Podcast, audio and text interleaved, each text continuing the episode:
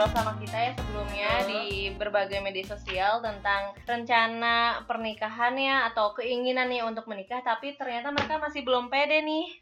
Iya dan kepe nggak kepedeannya itu membuat mereka jadi kayak aku ya eh, jadi malah mengurungkan niat untuk menikah itu sendiri sih. Lebih Iya. ke itu ya nggak sih Lem?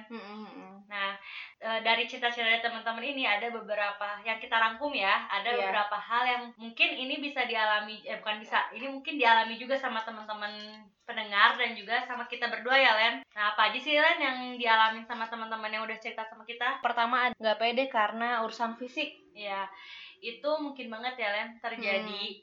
Sebenarnya kalau nggak kalau urusan fisik ini nggak cuma mau menjelang menikah ya nggak sih? Kayaknya kalau masa-masa puber atau masa-masa remaja itu memang fisik ini sangat apa ya? Sangat diperhatikan ya ya.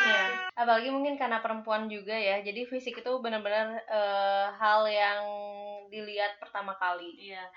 Kalau untuk menuju ke pernikahan, kenapa sih fisik ini bisa jadi nggak pede, Len? Hmm, beberapa teman sih cerita tentang kalau dia ngerasa kekurangan fisik dari segi misalkan kulitnya, Hmm. warna kulitnya nggak menarik, Hmm. kurang putih lah, atau kurang tinggi, atau Ngerasa nggak ngerasa cantik gitu ya? iya ngerasa nggak cantik atau kegemukan atau gimana. Jadi ngelihat kayaknya orang nggak mau deh sama aku. Oh, itu penilaian pribadi ya dan ini pengalaman ini tuh sempat juga sih dirasain sama aku pribadi Hmm, hmm, hmm. Gimana jadi tuh? eh, kalau aku tuh dulu karena muka aku tuh jerawatan. Oh iya. ya jadi aku sempat banget ngalamin muka aku tuh jerawatnya super parah. Jadi bukan parah sih banyak gitu. Hmm. jadi ketika aku ngelihat diri aku sendiri di cermin tuh kayak ngerasa iya ampun jelek banget sih gitu. Dan itu bikin aku jadi nggak pede dan aku ngerasa setiap orang tuh mungkin ngeliat aku tuh kayak ngeliat jerawat aku gitu loh itu parah sih nah itu juga bikin aku juga nggak pede di terhadap fisik fisik itu sendiri Hmm, karena hmm. mungkin eh, zaman sekarang tuh penilaian fisik tuh kan udah ada standarnya gitu ya nggak sih Iya, gara-gara bener. kemakan iklan atau Iya. film-film Iya. gitu jadi kayak cantik itu mulus gitu cantik itu putih Mm-mm. bersih terus ramping tingginya eh, pas gitu kan wah Hmm, itu hmm, hmm. ya kayaknya nggak ada di aku semua gitu ya dilihat-lihat tuh ya ya gendut oke aku terus eh, jerawatan iya aku eh, hitam iya aku juga gitu kayak tuh semua yang terbaliknya dari hal-hal yang baik itu ada di aku itu Iya, aku iya, sempet iya. ngalamin banget sampai nggak pede gitu Hmm. cuman ya eh, itu kayaknya sih mungkin bisa diatasi sih ya nggak sih Len Hmm. kalau kamu ada nggak pengalaman dari fisik yang bikin kamu nggak pede Hmm, sebenarnya aku pernah tuh juga ikutan penelitian gitu. Hmm. Nah, aku meneliti tentang persepsi cantik di kalangan perempuan. Hmm. Nah, ternyata emang bener banget yang tadi. Jadi hasilnya apa yang telah kita tonton, yang kita udah lihat di majalah itu bener-bener mempengaruhi. Sebelum kita tonton, sebelum kita punya gambaran tentang cantik, itu kan dites dulu tuh. Gimana sih persepsi cantik menurut kamu? Bentuk-bentuknya kayak gimana? Hmm. Bentuk matanya, bentuk hidungnya, bentuk Wow. mukanya, warna kulitnya yang bagus Iya. kayak gimana? Nah, ternyata mereka mengisi kan form itu. Hmm.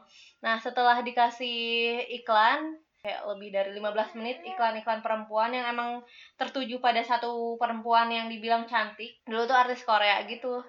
Si aku ini ya cantik. oh ya Dan ternyata hasilnya, jadi sebelumnya gambaran itu tersebar dan setelah ditontonin iklan selama 15 menit, hasilnya tuh merujuk pada satu jawaban gitu. Ah. Jadi, Mana yang eh, hidung yang menurut kamu cantik? Oh, jawabannya tuh ini yang mancung. Oh, jadi udah langsung ada eh, tipenya gitu ya, udah Hmm. langsung kayak standarnya gitu. Standar emang. Jadi benar-benar persepsi itu dibangun oleh kita dan para iklan yang pemilik Ah. brand gitu. Jahatnya kita boykot gimana? Oh, Oh, enggak gitu juga ya. Banget sih.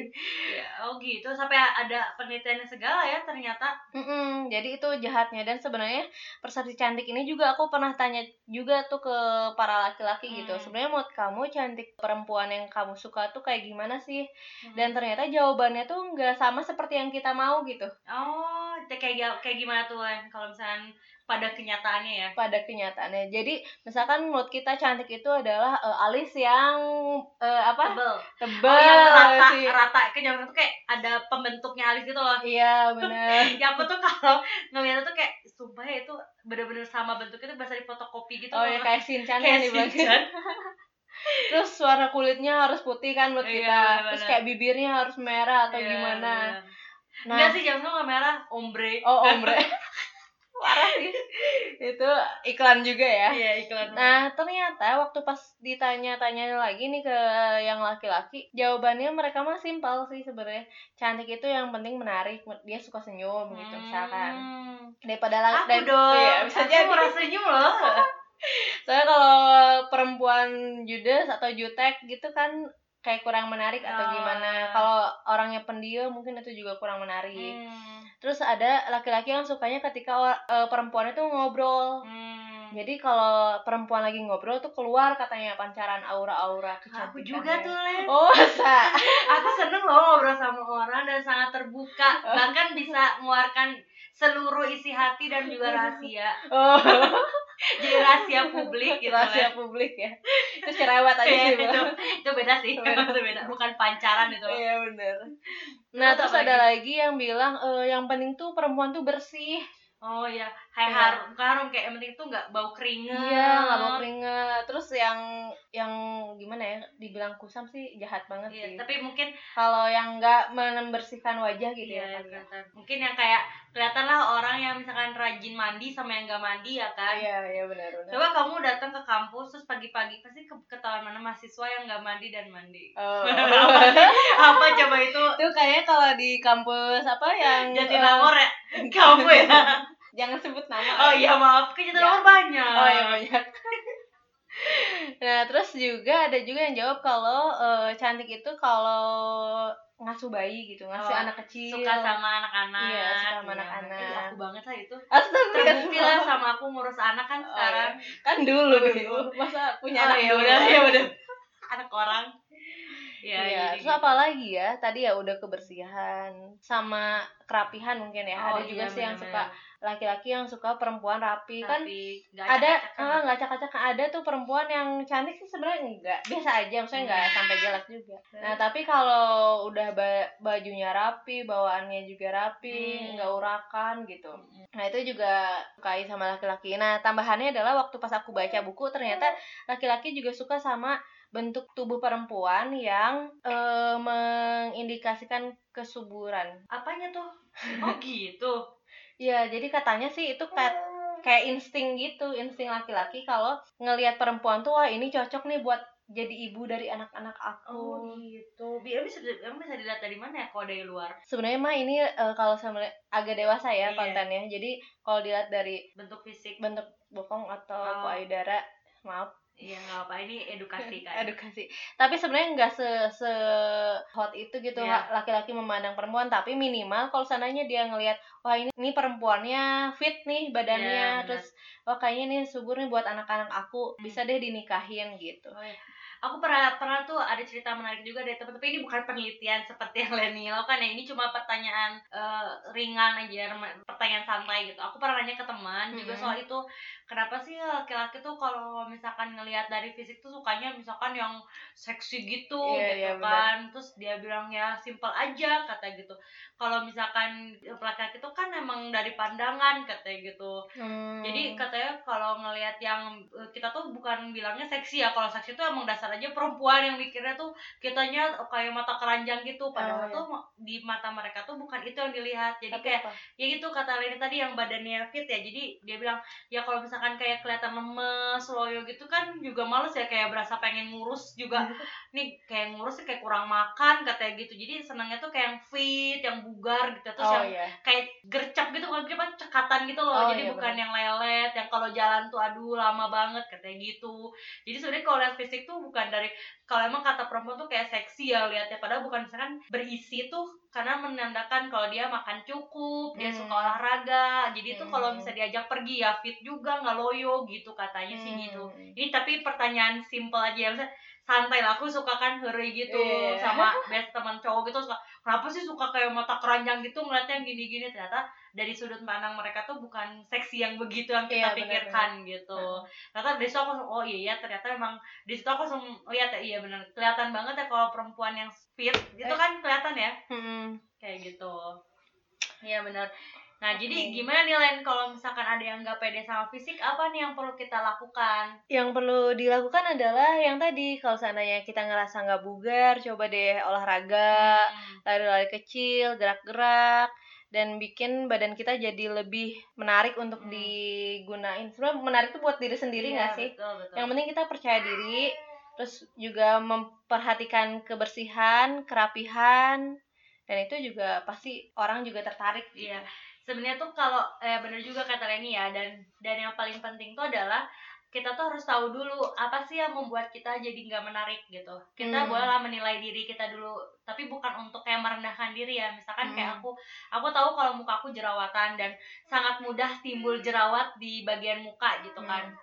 Dan kalau tuh timbul tuh nggak cuma satu misalkan sampai banyak. Nah aku aku tuh mengenali hal itu dan aku coba-coba gitu. Misalnya kayak Hmm. oh aku tahu kalau misalkan aku habis makan makanan kayak gorengan tuh terus aku nggak banyak minum aku langsung muncul jerawat terus kalau Hmm. aku misalkan nggak bersihin muka sebelum tidur aku langsung jerawat terus kalau misalnya aku pakai skincare dan nggak cocok gitu skincare asal-asalan aku bisa langsung jerawatan Hmm. atau aku tidur terlambat dan segala macam dan aku tuh mengetahui hal itu dulu gitu untuk bisa Hmm. mengobati jerawat-jerawat aku akhirnya nah dari mulai dari situ akhirnya aku bisa mengobati itu mungkin dari dalam dulu gitu jadi kayak Hmm. oh yaudah aku dikurangi makan gorengan misalkan terus aku juga dikurangi nyoba-nyoba yang sesuai nyoba-nyoba kalau ada iklan skincare aku langsung beli gitu kan Hmm. aku tahan gitu aku cobain dulu hal yang cocok banget nah kayak gitu gitulah mungkin terus kalau untuk masalah gendut ya Hmm. aku tuh juga dulu termasuk yang kelebihan berat badan. Sampai bapakku tuh bilang ya bapakku bilang aduh Cina coba kamu timbang berat badan. Kata Terus aku udah nimbang bilang ah kalau timbangan segitu tuh mana ada Cina? Laki yang mau. Masa badan gembrot gitu? Bilang gitu coba ya. Terus bikin aku wah buset dibilang gembrot gitu kan. Aku langsung mati-matian tuh misalnya olahraga tuh benar-benar seha- misalnya sehari itu dua kali. Karena dulu kan aku kuliah pas kuliah eh, pasca tuh Hmm. seminggu tuh cuma dua hari ya kuliah jadi aku tuh punya waktu lowong banget sampai aku tuh Hmm. bi- bisa dalam seminggu itu tuh sehari dua kali jogging terus siangnya tuh bisa pakai renang pokoknya tuh Hmm. edan-edanan banget lah olahraga Hmm. sampai ya aku aku bilang sih aku udah sudah cukup menarik lah ya dalam Fisik. berat badannya tuh oh iya. ideal. Tapi ternyata bagi bapakku tuh masih tetap kegembrotan gitu ya. Aku nggak tahu sekurus apa aku gitu ya harusnya. Nah itu itulah itu. Misalnya aku bisa nilai diri dulu. Terus itu jangan diikutin ya tentang itu. Maksudnya tapi olahraganya Oh, itu. Iya. menilai diri ya Menilai dan diri. jadinya kita bisa memperbaiki iya diri gitu kan. betul. Nah dan yang terakhir tuh adalah eh, kepintaran juga tuh. Hmm. misalkan tadi kan kata ini ya orang yang misalkan eh, pandai berbicara ya kan ngobrol ter- terpancar aura cantiknya nah berarti Hmm. kita juga harus wawasannya harus luas kan Iya, Nah, betul. ayahku juga pernah ngomong nih, buset ya bapakku tuh emang bapak-bapak eh, laki-laki penilai banget ya, bener. Jadi bapakku pernah ngasih pilihan ke aku ya. Hmm. Terus bapakku bilang, "Kamu eh, kamu kamu bisa milih nggak? Eh, kamu bisa menilai diri kamu nggak?" katanya. Hmm. "Kamu itu cantik eh, atau pinter?" katanya gitu. Kamu harus milih gitu Iya. kamu orang yang iya, cantik betul. atau orang yang pintar Iya, terus sekarang aku bilang eh, kan atau kamu ngerasa kamu dua-duanya gitu kan. Hmm. terus aku bilang ya nggak mungkin ya aku dua sempurna amat gitu ya. Terus aku bilang ya kamu ngerasa cantik gak karena aku nggak bisa nggak bisa milih ya Iya. akhirnya ya aku bilang kamu cantik gak aku bilang enggak berarti kamu harus pinter kata gitu. Karena laki-laki itu kalau misalkan tahu ceweknya nggak cantik ya dia pasti nyari yang pinter lah. Kalau kamu nggak cantik terus kamu nggak pinter kamu dipilih dari apanya? So aku langsung buset langsung rendah gitu. Aku aduh bener juga ya gitu. Nah aku dari situ langsung rajin. Ya minimal walaupun aku tidak pintar tapi aku rajin oh gitu. iya. Jadi setidaknya aku ada rajin yang lah. bisa dibanggain ada yang bisa dibanggakan gitu. Kan walaupun menurut aku ya segini mah lumayan lah gitu ya. Maksudnya itu obrolan dari bapak aku lah itu hanya heroi-heroi kecil lah Iya, bercandaan iya, cuman bercanda. yang itu hijau nerap ya. iya tapi nerap di aku jadi aku selalu memandang bahwa iya ya perempuan itu apa sih yang eh, bisa membuat dia tuh juga percaya diri sama diri Iya, dia benar. bukan untuk penilaian laki-laki ya Hmm. bukan untuk penilaian lawan jenis aja tapi untuk diri dia juga kan kalau misalkan dia wawasannya luas pintar ngobrol eh, apa kayak pintar berteman ya ada Mhm. keuntungan juga kan untuk dianya gitu Iya. itu mungkin tips dari aku lah bukan aku sosokan ya tapi itu pengalaman aku di waktu single gitu aku mencari jati diri sampai segitunya gitu kan ya Terus juga balik. perawatan juga penting Len Oh iya, perawatan kulit ya maksudnya. perawatan diri lah gitu Mhm. kayak kecantikan itu kan memang eh, selalu ada yang bilang ya inner beauty gitu ya Hmm. Kecantikan- tuh bukan dari, Dari- luar tapi dari dari dalam aduh itu mah itu mah zaman dulu gitu zaman sekarang mah kecantikan luar juga harus kita juga harus memperlihatkan gitu maksudnya Tapi harus mahal gak sih kalau Nah. skincare gitu? itu kan ya kalau yang punya uang ya nggak ada salahnya ya untuk Hmm. mengeluarkan beberapa biaya untuk kecantikan tapi kecantikan di sini tuh kita juga harus merawat diri gitu artinya kayak mandi itu kan udah Oh, kewajiban iya. ya Wajib. terus kalau aku tipe orang yang nggak akan keluar rumah kalau nggak mandi gitu aku Iya. menyadari kalau aku nggak mandi tuh aku super kucel jadi mendingan aku di rumah aja terus udah gitu eh, kayak mandi terus kita ya ke salon lah untuk kayak potong rambut atau untuk Hmm. sekali-kali cuci rambut lah atau apalah itu kan saya untuk kayak ya nabung lah beberapa Hmm. rupiah untuk perawatan kan gak ada salahnya juga apalagi yang belum pada nikah kan pasti ingin memberikan yang terbaik lah gitu Iya betul. untuk pasangan nantinya gitu Mhm. terus dari badan juga kalau misalkan tahu mau rada kucel atau kusem kulitnya ya suka luluran di rumah aja iya gitu kan benar. kalau sekarang tuh ada Gak murah. mahal ya. Iya kayak kita lem sekarang ibu-ibu ya kan kita belinya yang botolan ya lem. kita pakai di rumah. Iya. Jarang ke salon. luluran, atau Luluran. krim bat sendiri. Iya benar.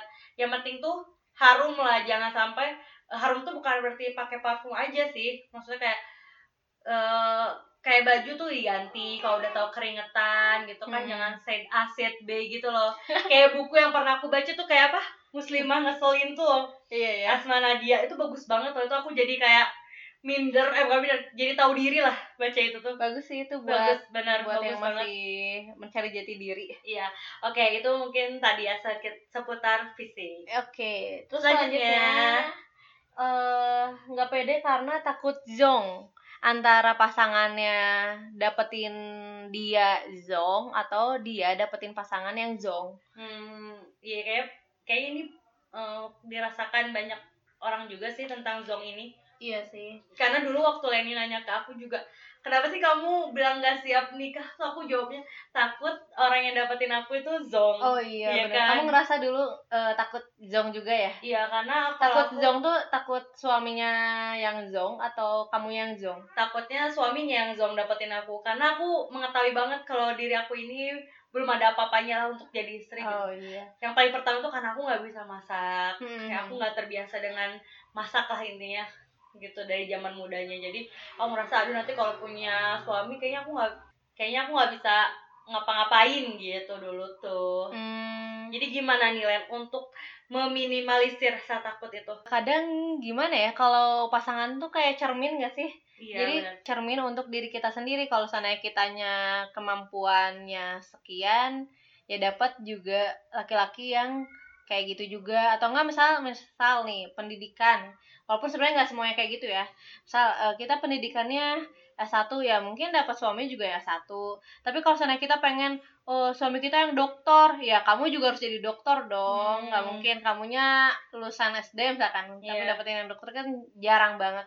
Jadi kayaknya kalau zong itu kalau seandainya kitanya belum bisa ya ngerasa belum bisa ya kita tingkatin dulu kebisaannya. Iya, dan juga kayak eh, bikin apa ya CV apa visi misi di CV taruh kayak gitu. Suka ada yang dia merasa bahwa CV-nya tuh terlalu high gitu kan. Sampai Dia bikin bikin visinya terlalu tinggi gitu. iya. Jadi ngerasa kayak aku bisa nggak ya dapetin suami yang kayak gini? Gitu. Hmm. sedangkan misalkan akunya aja eh, nggak kayak gitu Nah, ya tapi kenapa dia, iya, tuh ngapain? tapi pertanyaannya kenapa kamu buat gitu kan iya, ngapain harus nargetin tinggi-tinggi kalau dirinya sendiri masih nggak setinggi itu Iya, gitu kan. jadi kita sesuaikan aja gitu, masukkan dengan apa yang menurut kita memang bisa ya memang kemampuan kita gitu, Hmm. disesuaikan dengan kemampuan maksudnya Hmm. gitu. Jadi jangan sampai kita terlalu menargetkan tinggi atau kita juga berharap terlalu tinggi gitu. Hmm. Tapi kemampuan nggak ada, ya kita Hmm. Jangan sampai kita. Tapi kalau kita memang mengharapkan yang tinggi, Hmm. ya kita harus men- meninggikan dulu standar kitanya, standar diri kita maksudnya. Hmm. Jadi kitanya ya harus serba bisa juga ya kitanya juga harus pinter juga misalkan gitu loh jadi itu yang membuat kita ngerasa kayak zong atau enggak zong itu tergantung dari penilaian diri sendiri gitu kan terhadap Iya. diri sendiri gitu Terus ada juga yang eh, berharap kalau seandainya dapetin suami tuh yang kayak pangeran banget. oh iya Tau gak sih? benar Ada namanya sindrom Cinderella. Cinderella, Hmm. Cinderella syndrome gitu. Jadi kalau pas mau nikah tuh berharapnya adalah kita bisa dapetin pasangan yang eh, bisa menyelamatkan kita, tapi ternyata enggak juga gitu. Susah Iya. juga dapet yang kayak gitu. kayak ya dia tuh hidup susah lalu tiba-tiba diangkat menjadi seorang putri gitu kan Iya. jadi seakan-akan dia berharap ada yang menolong dia dari keadaan keadaan dia sekarang gitu itu banyak banget loh Len yang cerita Oh gitu. iya bahwa berharap punya ketika menikah itu adalah untuk keluar dari apa yang dia rasakan sekarang gitu. Oh iya. contohnya dia merasa sendiri sekarang aku pengen ada yang nemenin Hmm. terus aku sekarang mm, nggak mampu aku pengen nanti punya suami yang kaya biar bisa keluar dari zona ekonomi eh, ekonomi yang rendah misalkan Oh terus iya. atau aku juga eh, pengen misalkan punya suami yang bisa jadi imam baik buat aku membimbing aku sholat ngaji Tapi kan tuh benar ya sebenarnya. ya itu bener tapi maksudnya kita terlalu menitik beratkan kepada calon ya enggak sih gitu Oh iya, iya sih benar-benar. Kalau kita terlalu berharap sama orang, takutnya kecewa ya. iya betul Takutnya zong juga kan, karena diri kitanya juga nggak sampai situ. Terus kadang kalau kayak pangeran sama Cinderella gitu, kayaknya itu kisah eh kisahnya cuma ada di Disney, Disney. aja sih. Kayak itu jarang banget. Kalaupun ada ya itu Kate ada Middleton itu ada di kita Sandra oh, iya. Dewi oh Sandra Dewi juga udah cantik Iya, dan pintar cantik juga. dan pintar lalu dapat suami juga pas kan itu kan putri dan pangeran Oh iya, itu Terus kebetulan. Sandra Dewi juga dia bermimpi jadi seorang princess kan Oh iya. ya kan dia suka Disney kok jadi gosip sih Iya. nggak lanjut ya kayak gitu jadi ya memang eh, boleh aja kita misalkan berharap memang punya suami yang soleh misalkan Hmm. dia punya suami pintar Iya. mapan itu memang nggak apa-apa itu bagian dari doa kita ya tapi Iya. itu semua kita serahin sama Allah gitu dan pada kenyataannya nanti kita dapat eh, jodoh atau suami yang seperti apa Hmm. nah kita tidak akan menyalahkan pada suami kita ketika tidak sesuai dengan ekspektasi kita gitu takutnya Hmm. tuh jadi malah kecewa kan jadi ternyata suami aku tuh gitu Iya. kan nggak seperti apa yang dia ceritakan waktu perkenalan misalkan kayak gitu Iya. itu itu jangan sampai hal itu terjadi gitu Ya. Eh, tapi pernah dengar juga kan ada yang wanita sebaik-baiknya wanita adalah untuk, untuk laki-laki yang baik. hmm. Jadi ya memperbaiki diri Iya, aja. betul perbaiki selanjutnya Len Nggak pede nikah karena kurang ilmu atau bahkan ngerasa punya banyak ilmu. iya Jadi Ini- bikin iya, malas gitu, bikin apalagi zaman sekarang ya Iya, zaman sekarang tuh kan banyak banget ilmu yang udah langsung jadi quotes quotes di sosial media iya atau nggak jadi tips and trick. Nah itu ngebuat kita jadi kayak dan akun itu menjamur ya akun di Instagram atau Iya, akun di benar. Twitter tuh kan menjamur banget ya soal ilmu di YouTube jadi ya dan sumbernya tuh banyak banget dan berbeda-beda ya nggak sih Mm-mm. Eh, ini tuh ada yang cerita juga ternyata semakin dia belajar itu bikin dia semakin gak mau nikah Hmm. jadi makin gak pede jadi karena ngerasa diri belum sesuai dengan teori yang dia dapatkan Hmm. gitu Kenapa tuh? ya karena dia ngerasa terlalu banyak ilmu yang dia dapat sehingga kayak mungkin dari eh, sumber A dia ngerasa harus sempurna seperti apa dan dia merasa aku belum sampai situ pas udah di B Hmm. ternyata lebih lagi harus seperti apa dia ngerasa kayak aduh makin gak bisa nih di C apalagi jadi makin banyak dia belajar malah makin down gitu loh Oh iya. iya nah ini banyak banget sih memang eh, kalau aku sih itu ngerasain ketika sekarang aku punya anak ya Hmm. dan aku belajar parenting gitu. Nah, ketika aku belajar parenting itu sumber tuh di mana-mana dan menjamur banget Hmm. sehingga aku merasa bahwa susah banget ya ternyata jadi orang tua.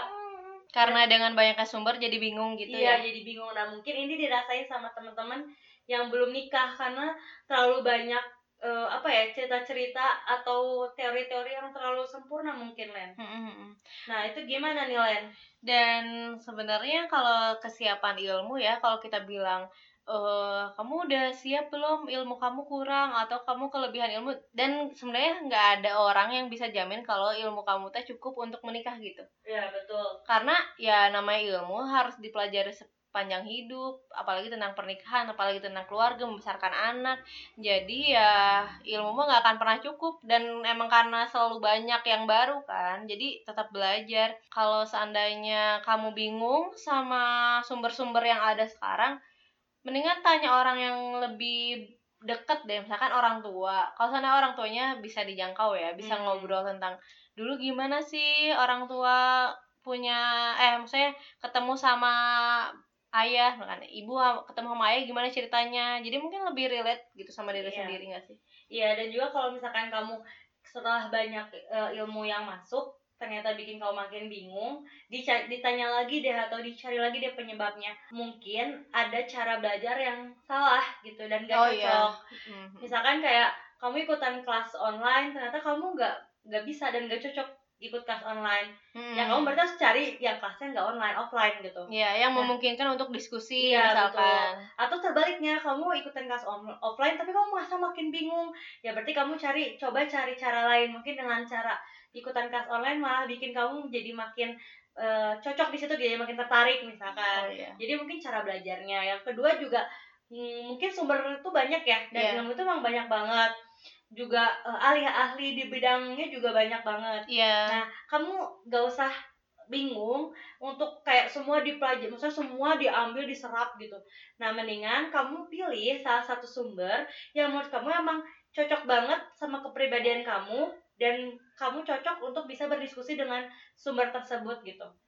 Jadi Iya. gak usah semuanya di- diambil, diserap, lalu kamu pengen praktekin semuanya itu pasti bikin bingung banget sih menurut aku. Iya, betul betul. Dan emang kalau bisa belajar itu sesuai yang kamu butuhin. Nah, Jadi misalkan kalau seandainya ada banyak kelas online, ada banyak kelas offline di mana-mana tapi kitanya belum butuh saat itu ya jangan dulu dipelajari karena itu bisa ya mungkin akan bikin kamu jadi mabok gitu sama ilmu itu. Iya benar. Dan nggak- iya. mau. Dan nggak bisa ngaplikasiin ya kan. Iya, benar. jadi kayak stres sendiri. Padahal belum dijalanin juga ya nggak sih? Iya, benar-benar. udah mah belum dijalanin, belum ketemu jodohnya juga, tapi ilmunya udah kebanyakan. Heeh. Jadi bingung sendiri dan malah, aduh ini bener yang bener mana sih pasti kayak gitu pertanyaannya.